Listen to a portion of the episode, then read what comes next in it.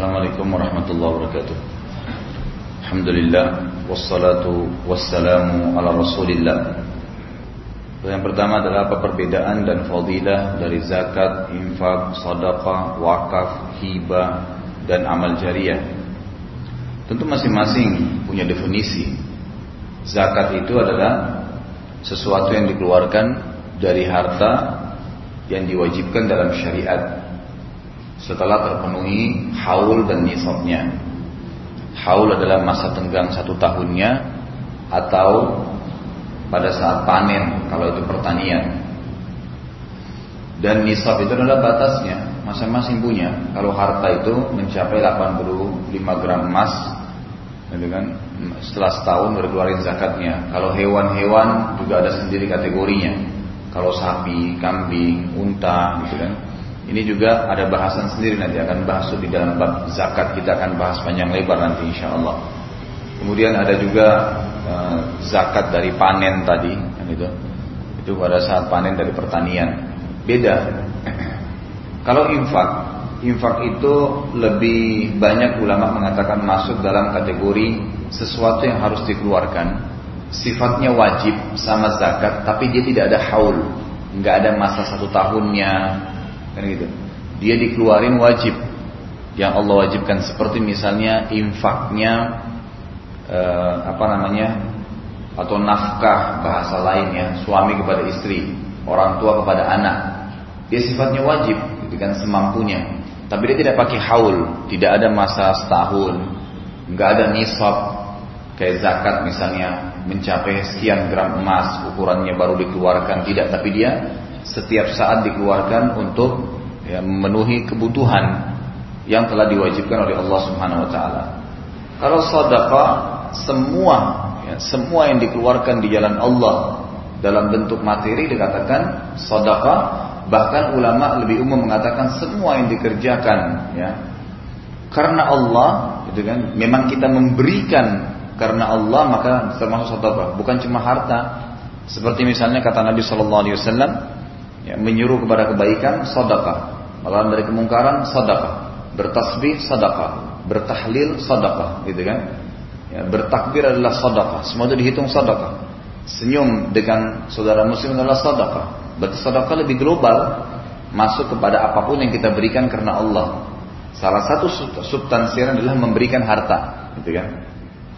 Kemudian kalau wakaf wakaf itu bidang tanah buku sesuatu yang kita memang berikan karena Allah, digunakan di fasilitas umum, diwakafkan namanya, diwakafkan tanahnya. Gitu kan? Artinya itu tidak boleh lagi dijual, sudah kita wakafkan untuk jalan Allah, gitu kan? Itu sifatnya tetap biasanya kalau wakaf itu, bukan harta bergerak, gitu kan? Biasanya umumnya begitu, tapi ada juga yang masukkan kategori seperti Al-Quran diwakafkan, gitu kan? Itu masih masuk dalam kategori. Kalau hibah sesuatu yang diberikan, gitu kan, dari seseorang untuk orang lain, tapi biasanya dia lebih kecil. Seperti misalnya seseorang menghibahkan eh, apa namanya sebagian dari hartanya, gitu kan, menghibahkan. Jadi dia bisa saja harta bergerak.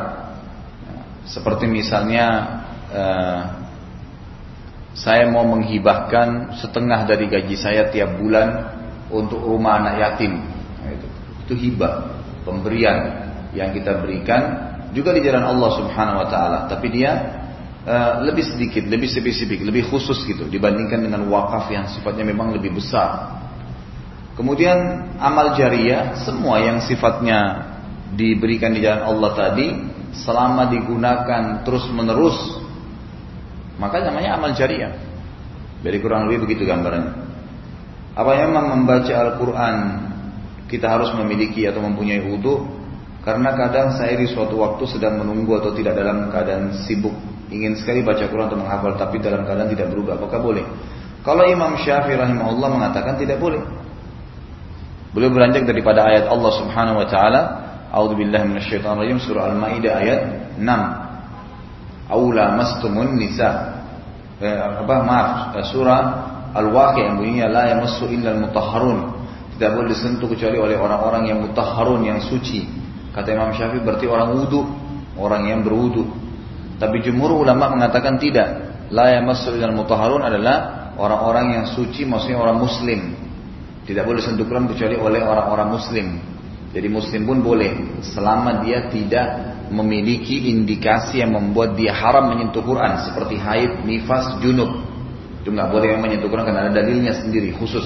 Nggak boleh menyentuh fisik Al-Quran gitu kan. Jadi selama itu tidak ada larangan maka boleh saja seorang muslim baca tanpa berwudu terlebih dahulu. Tapi tetap pendapat kedua ini mengatakan afdolnya berwudu. Tetap afdolnya berwudu. Tapi boleh. Bukan berarti tidak boleh. Itu kalau menyentuh fisik. Kalau seandainya di sini dikatakan menghafal, menghafal tidak ada hubungannya sama sekali. Menghafal boleh, selama bukan di tempat yang haram, bukan di WC azakumullah, boleh saja menghafal saja, tidak harus ada udut. Apakah membunuh hewan itu berdosa seperti nyamuk, lalat, ular, macan dan lain-lain atau dalam keadaan apakah hewan tersebut memang pantas dibunuh dan seperti apa membunuh yang baik? Jadi kalau selama hewan itu ada dua kategori hewan yang boleh dibunuh, yang diperintahkan oleh Nabi untuk dibunuh, seperti misalnya kalajengking, kan gitu. Itu ada perintah memang untuk dibunuh, gitu kan? Anjing yang semuanya berwarna hitam, sebagaimana sabda Nabi SAW, bunuhlah anjing yang semua berwarna hitam, tidak ada satupun bulunya yang warna lain, satu helai pun tidak ada, semua hitam. Karena itu setan yang menjelma, disuruh membunuh. Itu hewan disuruh bunuh memang oleh Nabi SAW, gitu kan? Hewan-hewan yang berbahaya. Yang kedua itu hewan yang berbahaya. Yang pertama adalah diperintahkan oleh Nabi untuk dibunuh. Yang kedua adalah hewan-hewan yang berbahaya. Jadi walaupun dia misal sapi halal dimakan, gitu kan? Tapi ternyata satu waktu dia berbahaya, ngamuk atau sapi gila mau nanduk orang, boleh dibunuh. Gitu kan? Berarti karena dia sudah berbahaya. Masalah nyamuk, lalat, kalau memang dia mengganggu, ya dibunuh, gitu kan? Tapi tidak perlu kita secara khusus mencari. Misal, ayo kita semua ke halaman masjid ini bunuh semua nyamuk yang ada. Kita nggak perlu. Tapi kalau dia datang mengganggu kita di kamar, kita mau tidur dia ganggu, ya boleh dibunuh, silakan. Tapi kalau secara khusus tidak boleh, gitu kan? Itu termasuk. Jadi apa pun hewan yang tidak diperintahkan oleh Nabi untuk dibunuh ya, dan tidak berbahaya, berarti tidak boleh dibunuh. Ya. Saya sering bahasakan ada hadis Nabi yang berbunyi dalam hadis Bukhari, fi kulli kabidin ratabatin ajr. Di setiap denyut nyawa itu ada pahala. Ya, itu ada pahala. Jadi kalau ada semut misalnya, gitu ya. Contoh Nabi Sulaiman alaihissalam pada saat beliau lewat di sebuah lembah di surah An-Naml, surah semut gitu kan. Maka beliau di, diperdengarkan oleh Allah Subhanahu wa taala si ratu semut bicara bahwasanya wahai semut-semut masuklah ke dalam lubang kalian jangan sampai Sulaiman menginjak kalian sementara mereka tidak sadar maka Nabi Sulaiman berhentikan pasukannya dan mengatakan kepada mereka biarkan semut-semut di lembah ini masuk ke lubangnya baru kita lewat gitu kan baru kita lewat di antara hikmah yang paling besar kata ulama di antara hikmah yang diambil dari hadis ini atau dari ayat ini mohon maaf dari eh, tafsir ayat surah An-Naml berhubungan dengan kejadian Nabi Sulaiman dengan semut adalah Allah subhanahu wa ta'ala melarang untuk membunuh hewan-hewan atau menginjak secara sengaja yang tidak bersalah. Pernah juga dalam hadis Bukhari dikatakan ada seorang nabi tapi tidak disebutkan namanya dalam hadis ini. Allah subhanahu wa ta'ala menghardiknya dan memarahi nabi itu karena dia mem, e, digigit oleh seekor semut. Lalu dia suruh pengikutnya manusia ya yang beriman sama yang beriman pada Allah dan beriman pada risalah dia membakar semua kerajaan semut yang ada di lubang itu. Maka kata Nabi SAW, Allah mengutus Jibril berkata kepada Nabi tersebut, eh, Allah berfirman kepadamu, bukankah satu semut saja yang telah menggigitmu? Kenapa kau harus bunuh semuanya? Kenapa kau harus bunuh semuanya? Gitu kan? Jadi walaupun hewan-hewan itu sebenarnya jahat misalnya, tapi mungkin bisa saja dia apa namanya punya fungsi, punya manfaat. Ya termasuk hewan yang diperintahkan untuk dibunuh itu apa? cecak. Ya, Jadi memang ada hadisnya. Kata Nabi Shallallahu Alaihi Wasallam, membunuh cicak itu pahalanya 100 pahala. Ya, dari sini ulama merincikan ulama hadis bahwa saya membunuh cicak itu disunnahkan dan dianjurkan. Memang ada anjuran. Nah, ini berarti kita disuruh untuk membunuh. Nah, ulama mengatakan bagaimana seperti pertanyaan bagaimana membunuh dengan cara yang baik? Ulama merincikan. Orang yang dapat 100 pahala adalah orang yang memukul dengan satu pukulan kemudian mati dan tidak menyiksanya. Bukan berarti karena boleh dibunuh kemudian kita ambil dipotong-potong, disetrika, di apa itu nggak boleh, gitu kan? Ya pernah ada teman saya itu, saya lihat dengan mata kepala sendiri waktu saya masih di kampus masih baru kami datang gitu. Istirahat siang, pulang kuliah, waktu itu pulang dari dari kampus gitu kan ke asrama. Rupanya ada lalat di kamar ganggu. Memang waktu itu masih awal-awal belajar agama ya. Ganggu terus nggak bisa tidur dia. Dia usahakan tangkap atau ditangkap, diambil lalat itu ditaruh di bawah kaki meja. Jadi sampai penyet gitu kan, nyala lalatnya untuk apa? Itu keluar dari jendela kan selesai, tutup jendelanya kan sudah aman, gitu nggak ada masalah. Yang jelas kalau kita tidak ya membunuh malah berpahala, gitu kan? Ada nyam, ada semut disapu, udah dipinggirin, udah selesai. Ustaz saya mau bertanya mengenai hukum bernyanyi atau berkaraoke. Ini apa hubungannya dengan ya apa namanya menghina nasab dan meratapi mayit tadi? Karena Pak Ustaz pernah menyebutkan bahwa kita tidak boleh mendengar musik. Mohon penjelasan Pak Ustaz. Apakah sudah pernah dibahas? Sudah pernah dibahas sebenarnya ya. Jadi begini, bernyanyi, bernyanyi ya, tanpa musik boleh. Saya ulangi ya, bernyanyi tanpa alat musik boleh. Tapi ulama memberikan kategori. Kapan boleh itu? Misal Seseorang melantunkan syair. Syair itu isinya motivasi. Dalam medan perang misalnya. Ada seseorang suaranya bagus, dia motivasi orang untuk berperang. Seorang ibu bernyanyi untuk anaknya. Dia karang sendiri kalimat-kalimat yang bagus untuk membuat anaknya tidur. Untuk membuat anaknya diam. Nah, masalah. Istri melantunkan kalimat-kalimat sayang dan cinta untuk suaminya dengan suara yang bagus. Boleh saja. Gitu kan? Artinya di sini nyanyian yang sifatnya tidak ada pelanggaran syar'i. Bukan seorang perempuan tampil di depan laki-laki. Hukum yang lain haram. Kalimat-kalimat yang berbau kemaksiatan, gitu kan? Haram. Bahkan menyanyi, melantunkan dengan suara bagus itu dianjurkan untuk Al-Quran. Makanya kata Nabi SAW dalam hadis sahih, "Man lam yataganna bil Qur'ani falaysa minna." Siapa yang tidak memperindah suaranya, melantunkan, melagukan Al-Quran itu dengan baik, bukan dari golongan kami. Gitu kan? Suruh lantunkan, memang itu boleh. Ya masalah. Pernah juga ada uh, dua orang budak wanita dalam hadis Bukhari datang ke rumah Aisyah radhiallahu anha pada saat lebaran. Kemudian memukul gendang dan melantunkan kalimat-kalimat yang menghibur Aisyah radhiallahu anha. Waktu Nabi SAW masuk bersama dengan Abu Bakar maka Abu Bakar anhu berkata, berhentilah. Inilah mazamirus syaitan. Ini anak-anak panahnya syaitan. Karena memang ada hadis Nabi yang berbunyi, lagu itu adalah atau musik itu adalah anak-anak panah syaitan. Maka berkata Nabi SAW kepada Abu Bakar, tidak wahai Abu Bakar, biarkan mereka ya agar orang-orang Yahudi mengetahui dalam agama kita ada ada kelonggaran, ada kelonggaran artinya Eh, boleh di, di Idul Fitri, Idul Adha, boleh uh, apa melantunkan kalimat-kalimat yang baik selama tidak berbau maksiat karena tadi dua orang budak wanita di depannya Aisyah saja, gitu kan? Tidak laki-laki di situ. Waktu Nabi SAW sama Abu Bakar masuk, mereka diam. Ya, mereka tidak melakukan hal-hal yang dilarang. Yang kedua, alat musik. Jadi lagunya ya, nyanyiannya. Sekarang alat musik. Seperti juga ini masuk dalam kategori laguan ini, itu biasanya e, sekarang dilantunkan misalnya untuk menghafal nama-nama surah Al-Quran. Lalu disambung gitu kan? Supaya anak-anak TK SD mudah menghafalnya. Tanpa alat musik. Itu ada masalah. Insya Allah masih nggak ada masalah gitu kan? Supaya untuk mudah menghafal tinggal alat musiknya alat musik ini ulama sepakat mengatakan umumnya jumhur ulama mengatakan hukumnya tidak boleh kecuali gendang karena memang gendang lah yang dibolehkan dalam hadis Bukhari tadi waktu dua wanita, budak wanita yang memukul gendang di depan Aisyah dan tidak disebutkan alat musik yang lainnya.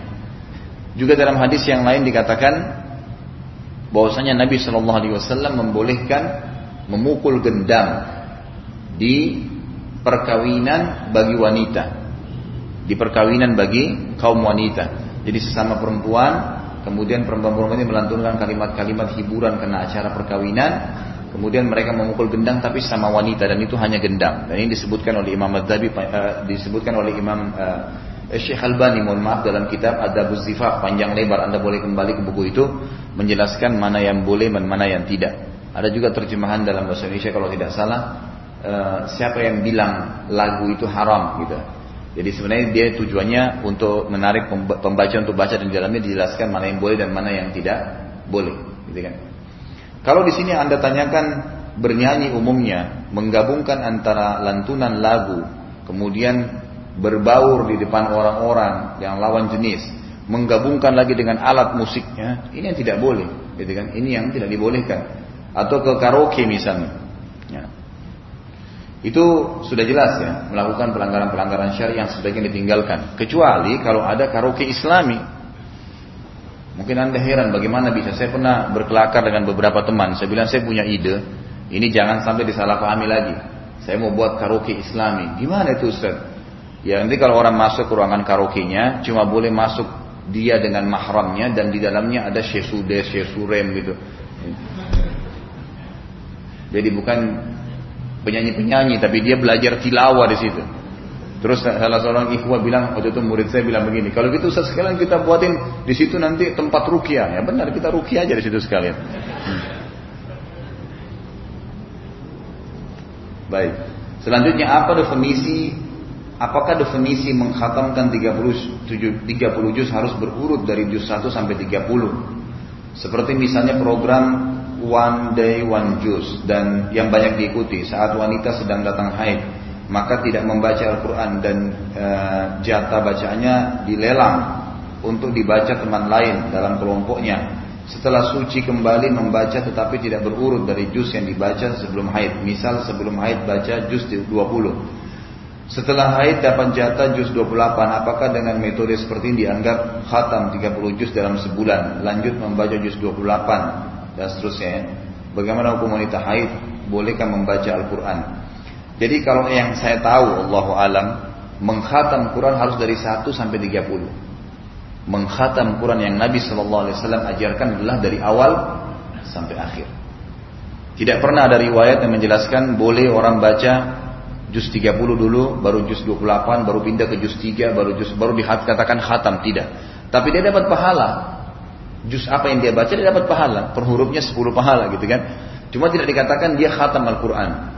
Jadi memang berurut dibaca dari awal sampai akhir. Itu yang disunnahkan oleh Nabi Sallallahu Alaihi Wasallam. Itu yang dimaksud dengan menghatamnya. Itu yang saya ketahui. Allah alam. Kalau wanita bolehkah memegang Al-Quran, membaca Al-Quran sementara dia haid? Boleh saja. Yang penting tidak menyentuh fisik Al-Quran. Nah, sudah pernah saya rincikan ini ya. Ulama yang lebih kuat pendapat sekarang mengatakan kalau Quran itu secara fisiknya kertas seperti ini misalnya Quran tidak ada apa-apa dalam termasuk terjemahan sama ya maka tidak boleh dipegang oleh haid, nifas dan junub. Tapi kalau tafsir boleh. Kenapa? Karena tafsir sudah dicampur dengan perkataan manusia. Kalau terjemahan itu cuma diterjemahkan saja, sama saja perkataan Allah Subhanahu wa taala gitu kan. Tapi kalau tafsir beda. Atau dia masuk bercampur dengan yang lainnya, tapi seperti tafsir ya kalau kita. Kalau sekarang misalnya kita punya program uh, Al-Qur'an di HP. Dia kan dasarnya HP, bukan Al-Qur'an. Maka ulama mengatakan ini boleh. Tapi kalau ada digital khusus Al-Quran saja, nggak ada yang lain, maka berarti sama hukumnya dengan Quran kertas, gitu kan? Kurang lebih seperti itu. Tapi kalau ini menyentuhnya, kalau membacanya boleh kapan saja, mengulang-ulangi hafalan mana dianjurkan, gitu kan? Karena wanita haid itu kan ada beberapa ibadah dan nifas tidak boleh dikerjakan seperti sholat, puasa, gitu kan? Kemudian menyentuh fisik Al-Quran, yang lainnya boleh saja, tetap dikerjakan.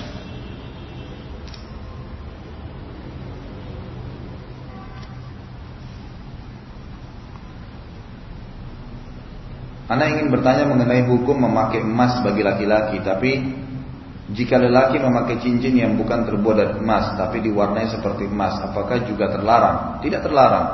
Kalau warnanya mirip saja nggak masalah, karena yang dilarang adalah emas. Dan sudah kita jelaskan yang lalu itu ya. Kata Nabi SAW mengangkat emas di tangan kanan dan sutra tangan kiri lalu bersabda, Inna hadani haramun ala dukuri ummati. Dua benda ini diharamkan bagi laki-laki umatku. Bagaimana hukumnya software bajakan dan hukum penghasilan yang diperoleh dengan menggunakan software bajakan tersebut? Namanya saja bajak, gitu kan? Ya, bajakan, tidak boleh. Begini, kalau antum mau buat sesuatu atau anda ingin berbuat satu perbuatan, gitu kan? Coba dulu dipraktekin di diri sendiri, mau nggak? Kita suka mau gebukin orang, coba gebukin diri sendiri mau nggak? Atau digebukin dulu. Kita mau gibah, mau nggak digibah?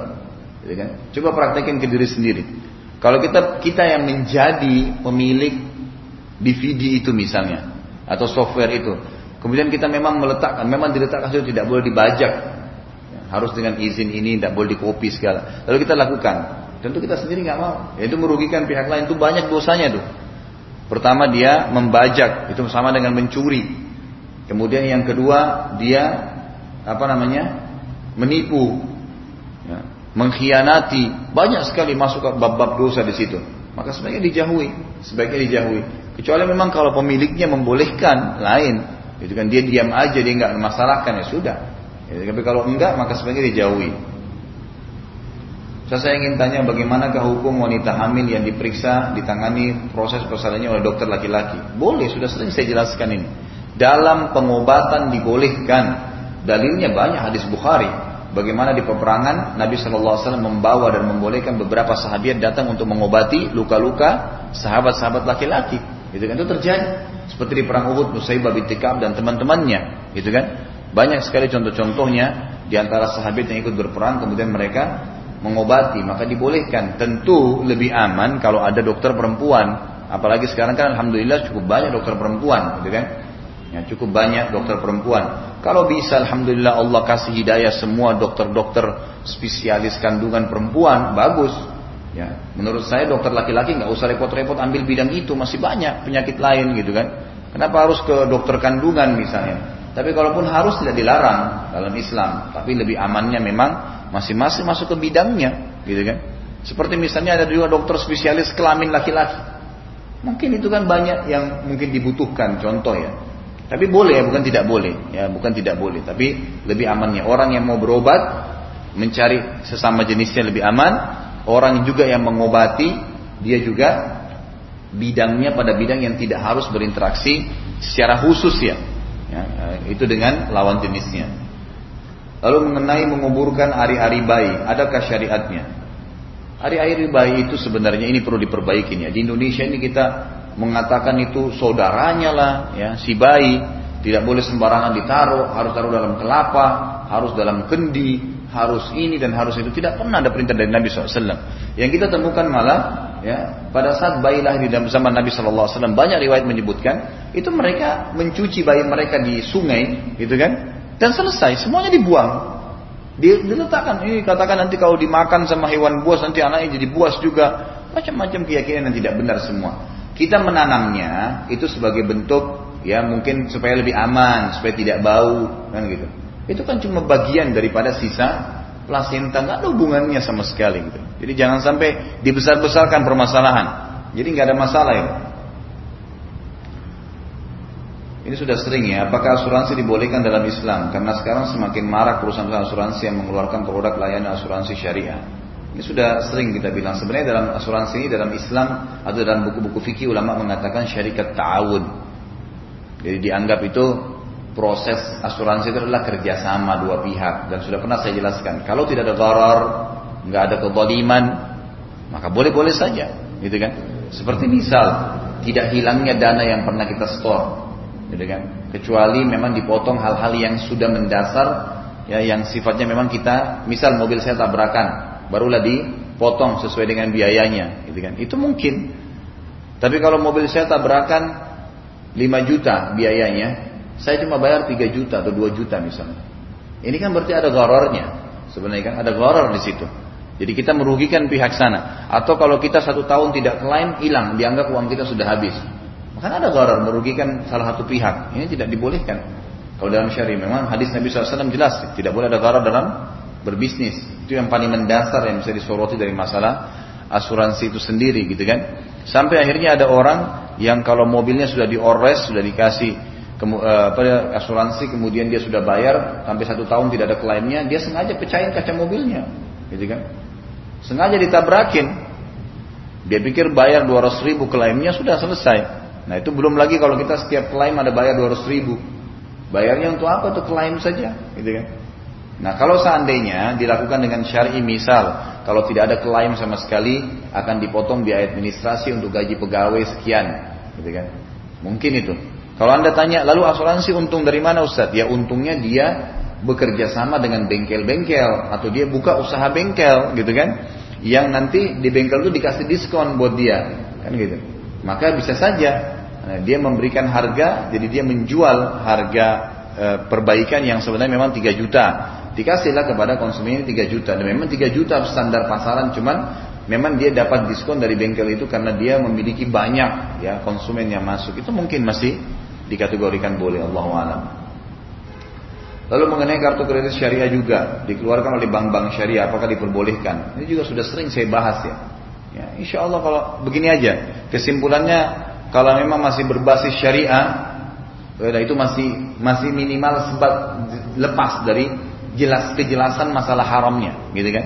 Kejelasan masalah haramnya, maka masih dibolehkan. Gitu kan? Kalau memang anda mau merasa lebih aman dan tidak menggunakannya, maka insya Allah itu jauh lebih baik. Gitu. Saya pernah mendengar pendapat sebagian ulama yang mengatakan kartu kredit dari bank konvensional murni riba dikarenakan pada akad di awal sudah disepakat untuk membayar bunga jika kita telat. Bagaimana tinjauan Ustadz mengenai hal ini? Itu benar, ya itu benar bisa saja.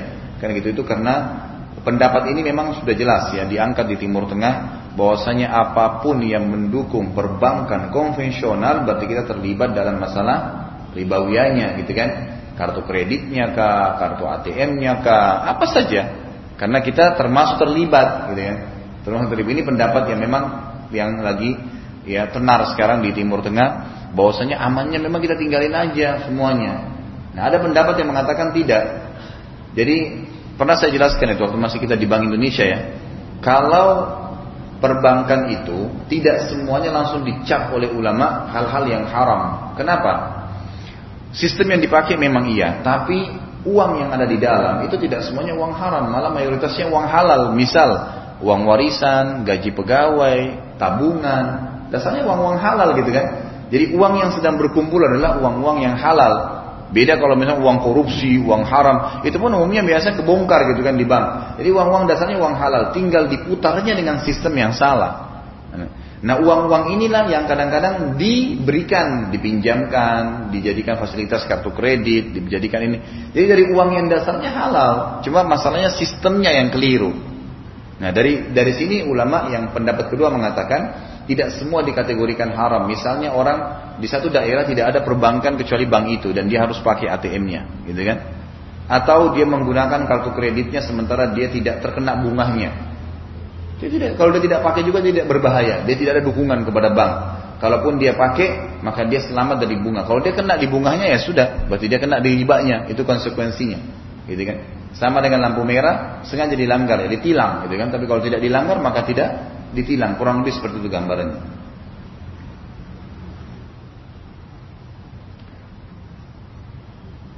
Selanjutnya apa hukum pakaian yang terkena air mazi? Apakah pakaian tersebut bisa digunakan untuk sholat? Tidak bisa. Mazi tetap terhitung najis. Tetap terhitung najis. Kalau terkena mani, malah terbalik. Kalau mani itu sudah kering dan bisa dikerik, dikeluarin, tanpa dicuci nggak apa-apa. Sesuai dengan hadis Bukhari. Nabi Shallallahu Alaihi dikatakan dalam Aisyah radhiyallahu anha berkata, aku pernah mengerik baju Nabi Shallallahu Alaihi Wasallam yang kena mani yang sudah kering, kemudian beliau memakai sholat dan tidak mencucinya. Kalau mazi dan kalau mani ya, dia tidak dia dia sifatnya najisnya maknawi, cuma najis pada zatnya, gitu kan?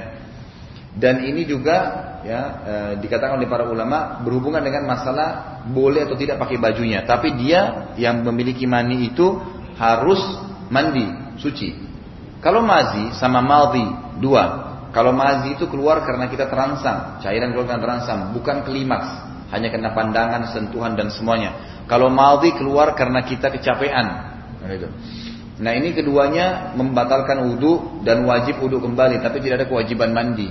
Hanya saja ulama mengatakan untuk mazi dan ma dan mazi itu lebih berat najis daripada mani. Karena tidak ada hadis yang menjelaskan bahwasanya mazi itu cukup dengan seperti mani tadi. Jadi ulama lebih umum mengatakan dicuci, yang lebih dicuci. Ya walaupun dia sudah kering tetap dicuci dengan air. Beda dengan kondisi mani tadi Allah alam. Ini yang saya ketahui ya.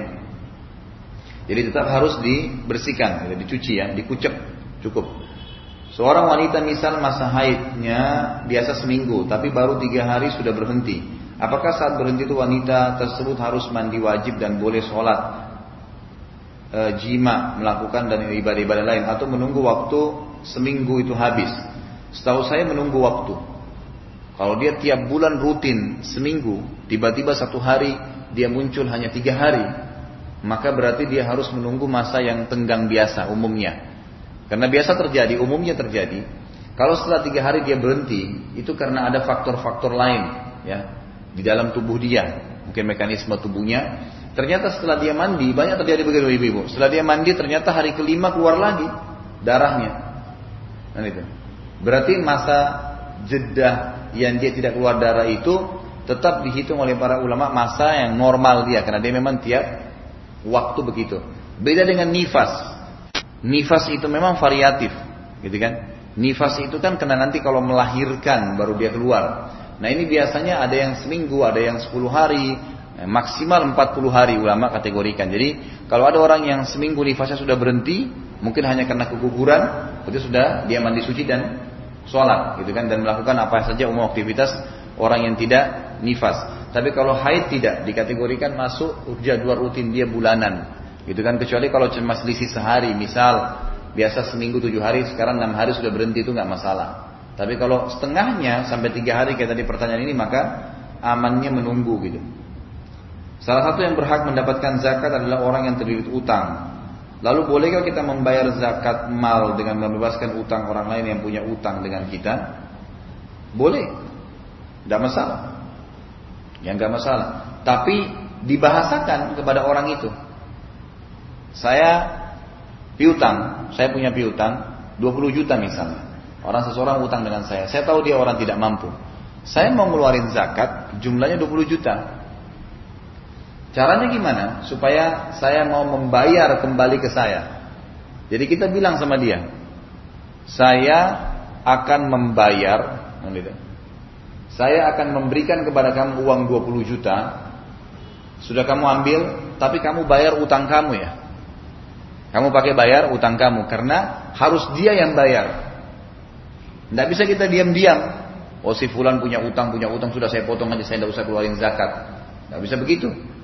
Karena memang harus dia yang bayar kan dia yang yang terlilit utang, dia berhak dapat zakat. Dia berhak mendapatkan zakat. Jadi diberikan dulu. Walaupun itu melalui lisan kita belum berikan fisik, dia setuju, oke, okay, sudah selesai. Gitu kan? Jadi harus dibahasakan terlebih dahulu. Bisa samakah musibah dengan qadarullah atau takdir Allah? Ada perkataan bahwa saya takdir kita di ujung ikhtiar usaha kita. Apakah perkataan ini benar? Kalau takdir Allah masuk dalam global, baik, buruk, semua takdir Allah swt, gitu kan?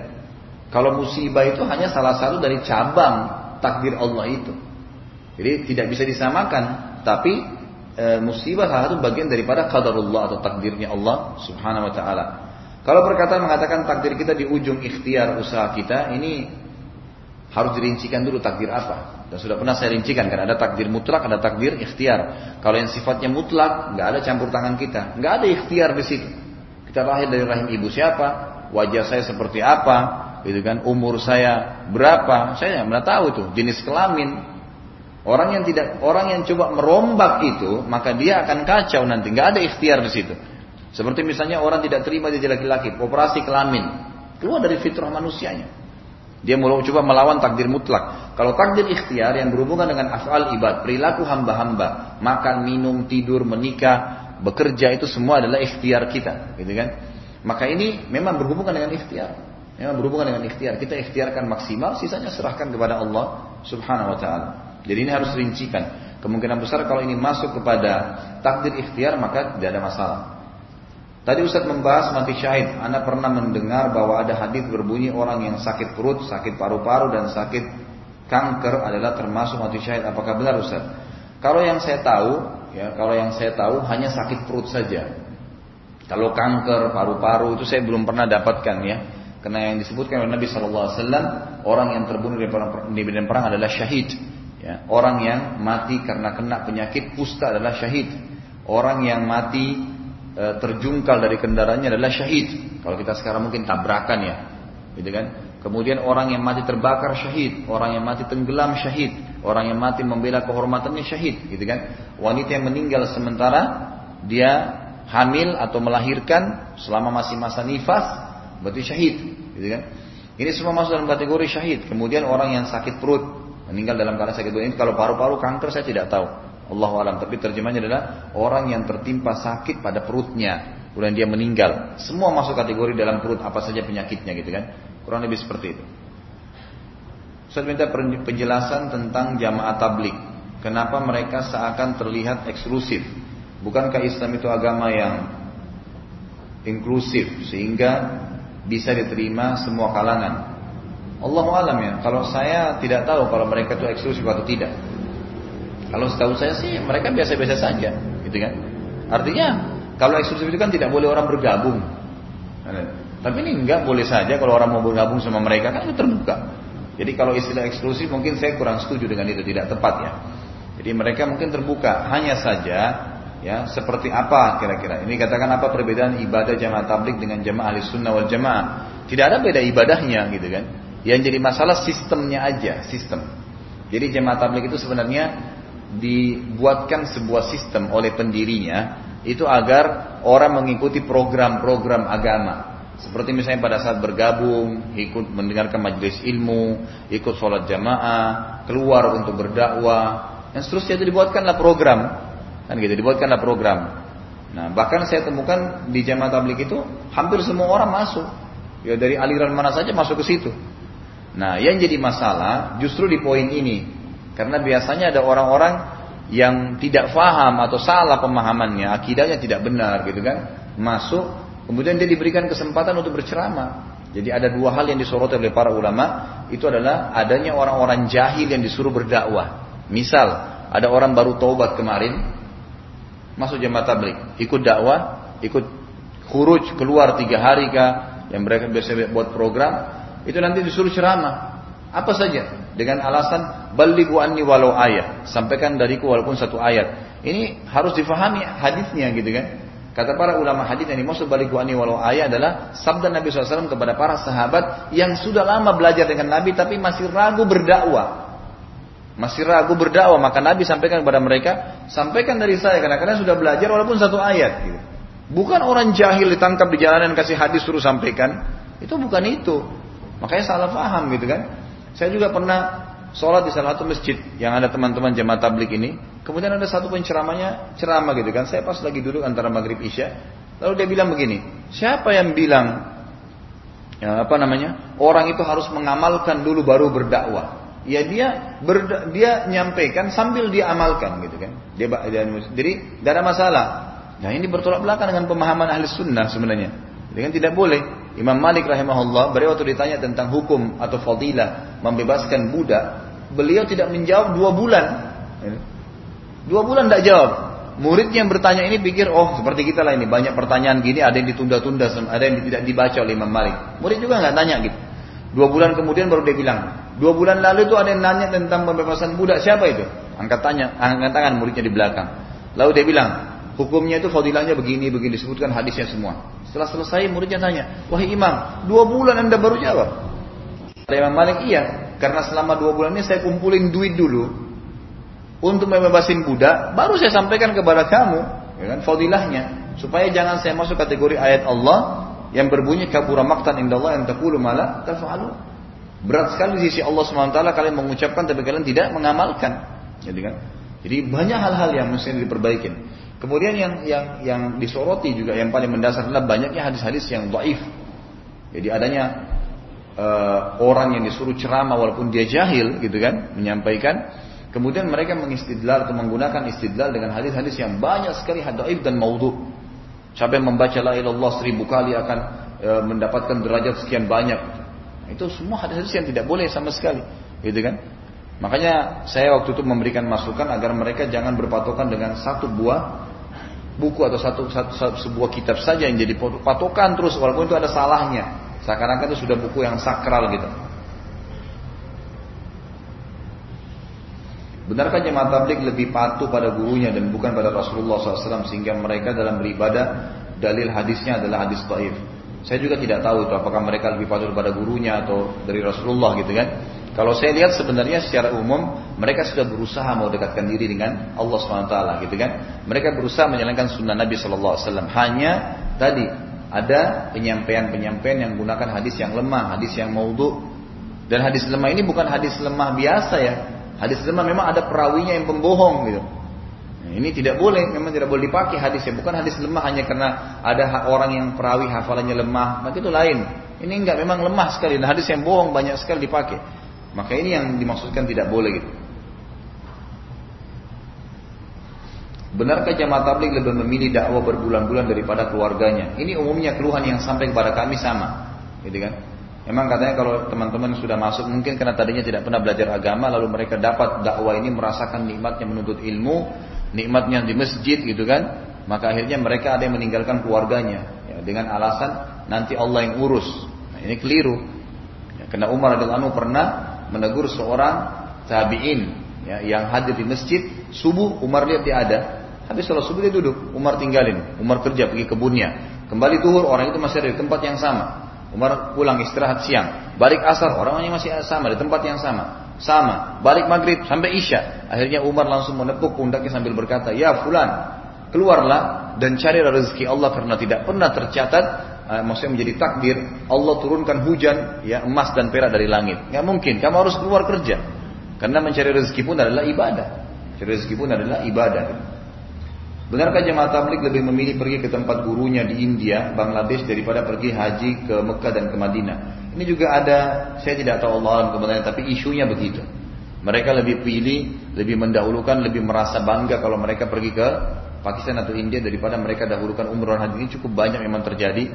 Tapi Allah alam, apakah itu memang menjadi sebuah doktrin, keyakinan? Allah alam. Tapi memang ada keyakinan begitu. Cuman yang saya tahu ada beberapa yang saya kenal dari teman-teman jemaat tablik, enggak kok. Mereka pergi umroh, mereka pergi haji, gitu kan. Tapi mereka juga pergi ke India sana. Allah alam kalau di sana sih belajar seperti apa ya. Mengapa jemaat tablik berpikiran sempit? Saya bukan jemaat tablik. Saya nggak tahu itu. Misalnya nggak boleh pakai tupperware di rumah, sampo dan produk-produk dari barat Allah alam, saya tidak tahu ini. ini gitu. Kalau ada jemaat tablik yang seperti ini, ya umumnya jemaat tablik atau bukan tetap harus diberikan nasihat, gitu kan? Kalau sampo itu memang digunakan untuk wangian, membersihkan rambut, kan gitu. Dan itu tidak ada bahan-bahan haramnya, boleh-boleh saja. Nabi SAW meletakkan dalam hadis sahih serbuk wangi dari negeri Syam dari leher beliau, ya, dari dari leher beliau dan sampai ke kaki beliau dan kemaluan beliau dan beliau itu istri beliau letakkan kecuali kemaluan beliau letakkan sendiri. Beliau sering meletakkan minyak dari negeri India yang dikenal dengan minyak gaharu ya. Itu di kepala beliau. Ya, Beliau meletakkan di kepala beliau wangi-wangian minyak, bahkan beliau menganjurkan untuk meletakkan minyak yang wangi di rambut ya pada saat mau sholat Jumat, gitu kan? Beliau bersabda, siapa yang keluar dari rumahnya bersuci dengan benar, kemudian dia menggunakan baju yang paling bagus, menggunakan minyak wangi yang paling baik, menyisir rambutnya dan menggunakan minyak di kepalanya, gitu kan di rambutnya, maksudnya yang wangi. Gitu kan. Kemudian dia pergi ke masjid di awal waktu, lalu dia dengarkan imam berkhutbah dan dia sholat, kecuali akan diampuni dosanya yang lalu, gitu kan. Jadi termasuk diperintahkan jadi sebenarnya harus digunakan. Salah juga pemahaman kalau dikatakan harus pakai baju yang kotor, makanan roti kering itu tidak pernah semua ada dalam riwayat yang berbunyi waktu ditanya dalam hadis riwayat Tirmidzi dengan sanad yang hasan. Ya Rasulullah, kenapa anda puasa Senin Kamis? Beliau mengatakan hari itu amal soleh dilaporkan kepada Allah. Maka aku ingin pada saat amalku dilaporkan aku sedang berpuasa. Itu alasan beliau puasa Senin Kamis, gitu kan? Beliau juga pernah ditanya dalam hadis Sahih riwayat Imam Muslim, "Ya Rasulullah, bagaimana dengan puasa Senin?" Beliau mengatakan, "Pada hari itulah aku dilahirkan." Beliau menginformasikan gitu kan tentang lahir, tapi ini bukan berarti beliau menyuruh berpuasa di hari ulang tahun seperti banyak orang lakukan. Ini nggak benar. Beliau sekaligus membolehkan atau memerintahkan puasa Senin dan menyampaikan kalau beliau lahir hari Senin, gitu kan. Kemudian ayamul bid hadisnya Nabi SAW, siapa yang puasa, ya berpuasa tiga hari setiap bulannya, sama dengan puasa setahun. Ya ulama mengatakan puasanya ini lebih afdal mengikuti puasa atau berpuasa berturut-turut. Walaupun Syekh Utsaimin rahimahullah mengeluarkan fatwa bolehnya berpuasa tiga hari secara terpisah. Yang penting kapan ada kesempatan gitu kan tidak harus berturut-turut. Tapi pendapat jumhur ulama mengatakan anjurannya agar diturutkan dan lebih afdal 13, 14 dan 15 dari bulan Hijriah. Tapi kalau tidak mampu boleh dikerjakan di tanggal berapa saja dari bulan Hijriah. Dan ini pendapat jumhur ulama. Misal 1, 2, 3, 7, 8, 9. Itu boleh dikerjakan yang penting 3 hari berturut-turut. Kalau puasa Ashura, puasa yang dikerjakan pada saat ya hari Ashura, 10 Muharram. Dan fadilahnya adalah diampuni dosa setahun yang lalu dan setahun yang akan, eh maaf, setahun yang lalu. Ya, ini sebagaimana disebutkan dalam hadis riwayat Imam Muslim.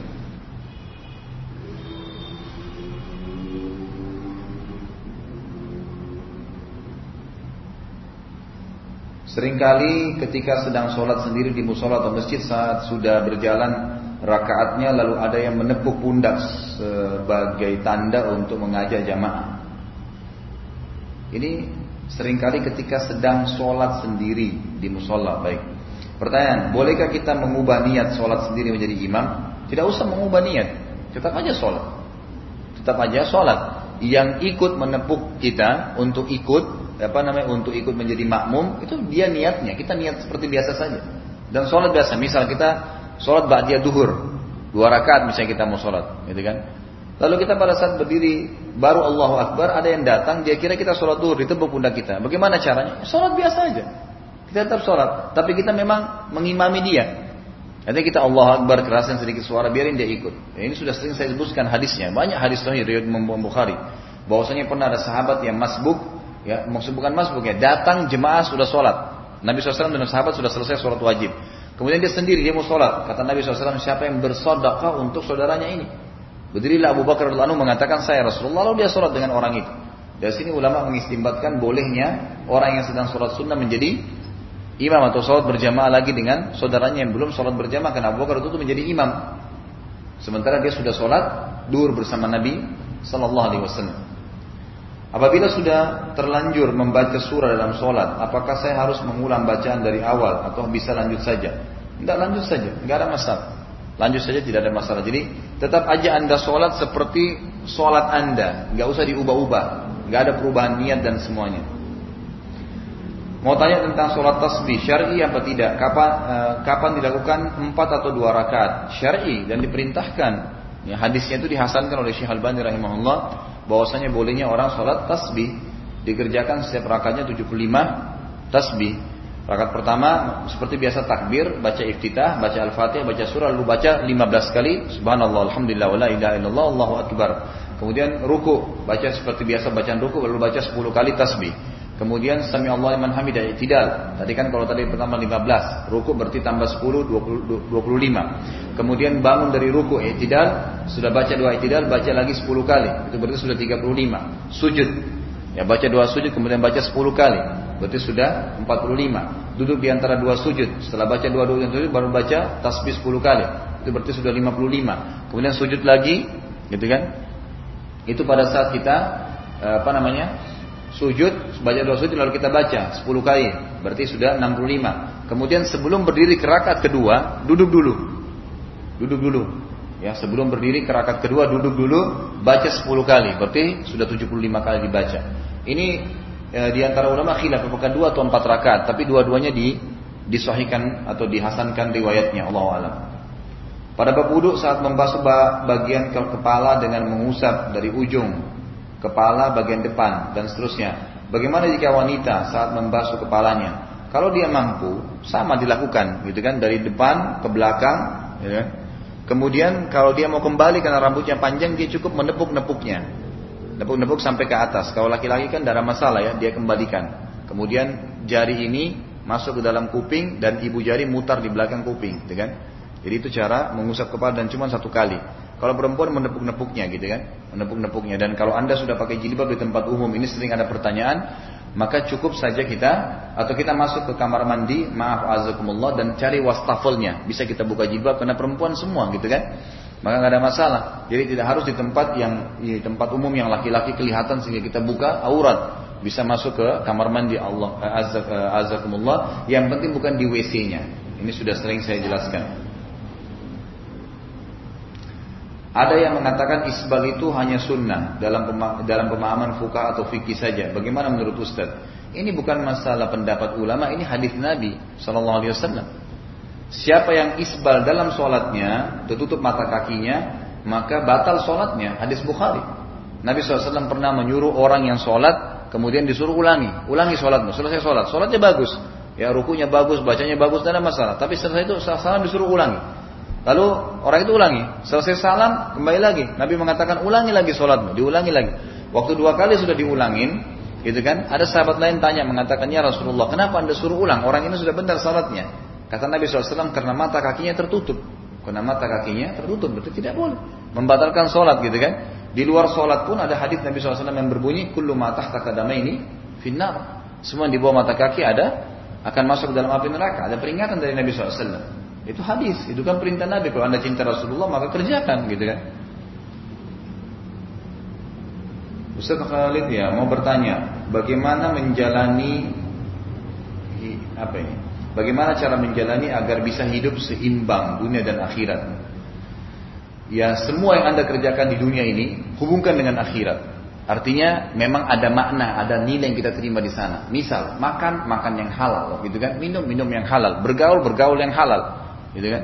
Semua berhubungan dengan ibadah karena ada pahala kata para ulama kita kejar baru dapat, gitu kan? Artinya memang seperti kita sholat, gitu kan?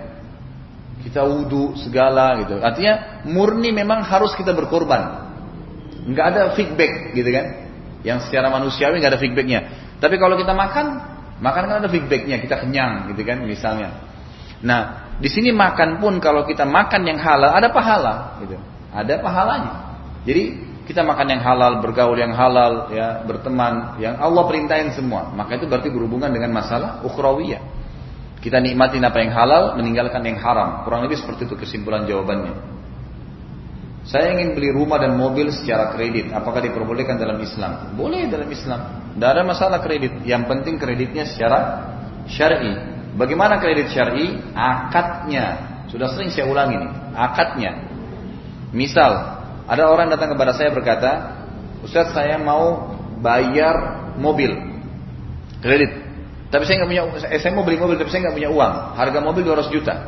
Terus saya bilang sama dia, baik, saya belikan kamu mobil 200 juta, tapi nanti saya jual lagi sama kamu 250 juta ya. Jual. Saya jual lagi, transaksi jual beli. Yang kamu boleh bayar 24 bulan nggak apa-apa. Halal itu, nggak masalah.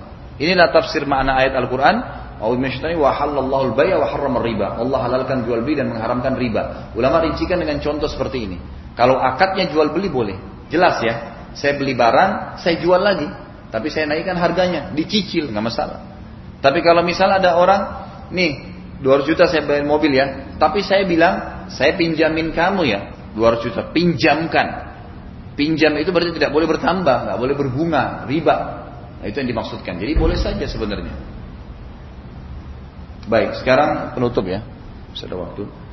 Ustaz mohon ceritakan sedikit tentang kematian dan azab kubur. Ya, semoga bisa menaikkan iman kita. Azab kubur pasti ada.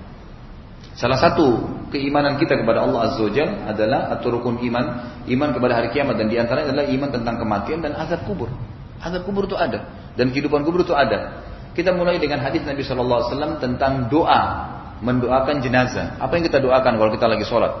Empat kali takbir. Takbir pertama baca Al-Fatihah. Takbir kedua kita baca salawat. Takbir ketiga mendoakan si mayit. Takbir keempat mendoakan dari kita. Lalu salam kan. Takbir ketiga ini ada yang di antara doa yang Nabi ajarkan adalah Allah marzukhu daran khaira min, diari, min darihi.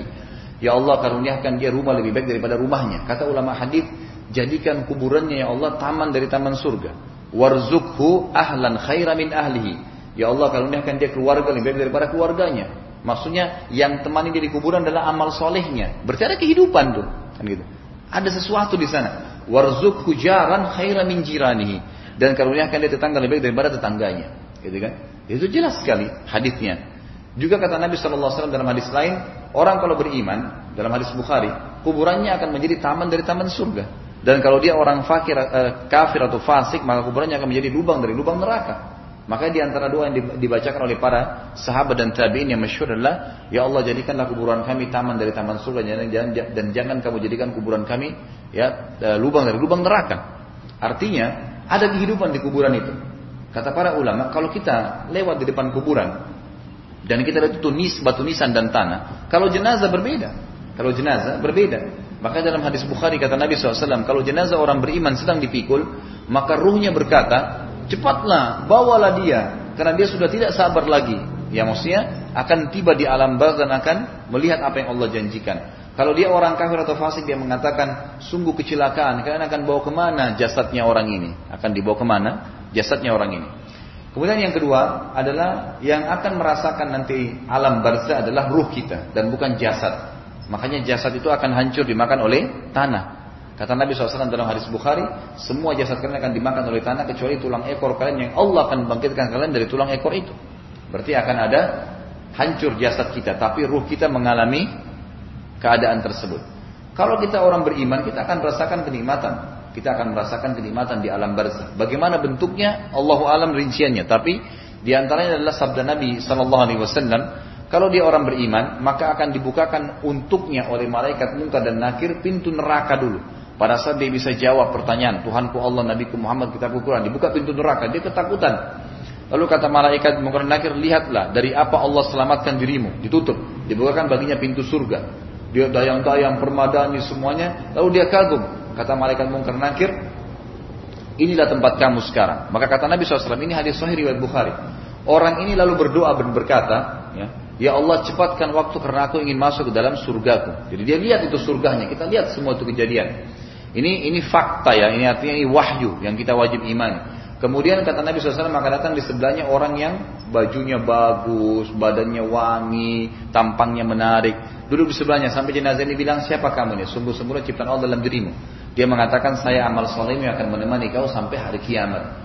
Lalu akan duduk amal soleh menemani dia sampai hari kiamat. Kemudian kata Nabi SAW terdengar suara dari langit mengatakan Allah berfirman kepada para malaikat luaskan kuburan hamba ini seluas pandangan matanya dan ya bentangkanlah jalannya menuju ke surganya maka dia terus merasakan kata Nabi SAW maka jadilah kuburnya taman dari taman surga jadi dia nggak rasa tuh sampai hari kiamat dia nggak rasa gitu kan sudah beda. Karena ada dimensi waktu yang berbeda kata para ulama. Seperti misalnya ada orang mati baru hari ini, karena ada orang mati sebulan yang lalu.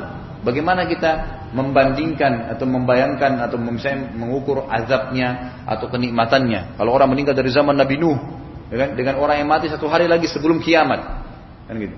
Berarti ini lebih sedikit merasakan azab kubur. Ini lebih lama, gitu kan? Otomatis karena kiamat lama. Itu tidak bisa kita bahas kata ulama karena memang dimensi waktunya berbeda. Sudah bukan seperti kita masa di dunia ini, sudah lain, gitu kan? Sudah berbeda. Makanya kata Nabi SAW, semua orang yang mati, mukmin atau kafir, tidak berharap lagi kembali ke dunia kecuali orang yang mati syahid. Orang kafir pun sudah tidak mau. Bagaimana itu orang kafir tidak mau kembali lagi? Padahal sebenarnya dia kan punya kesempatan beramal soleh, tapi memang itu sunnatullah. Dia sendiri sudah tidak mau. Baru dia tahu hakikat dunia ini gitu.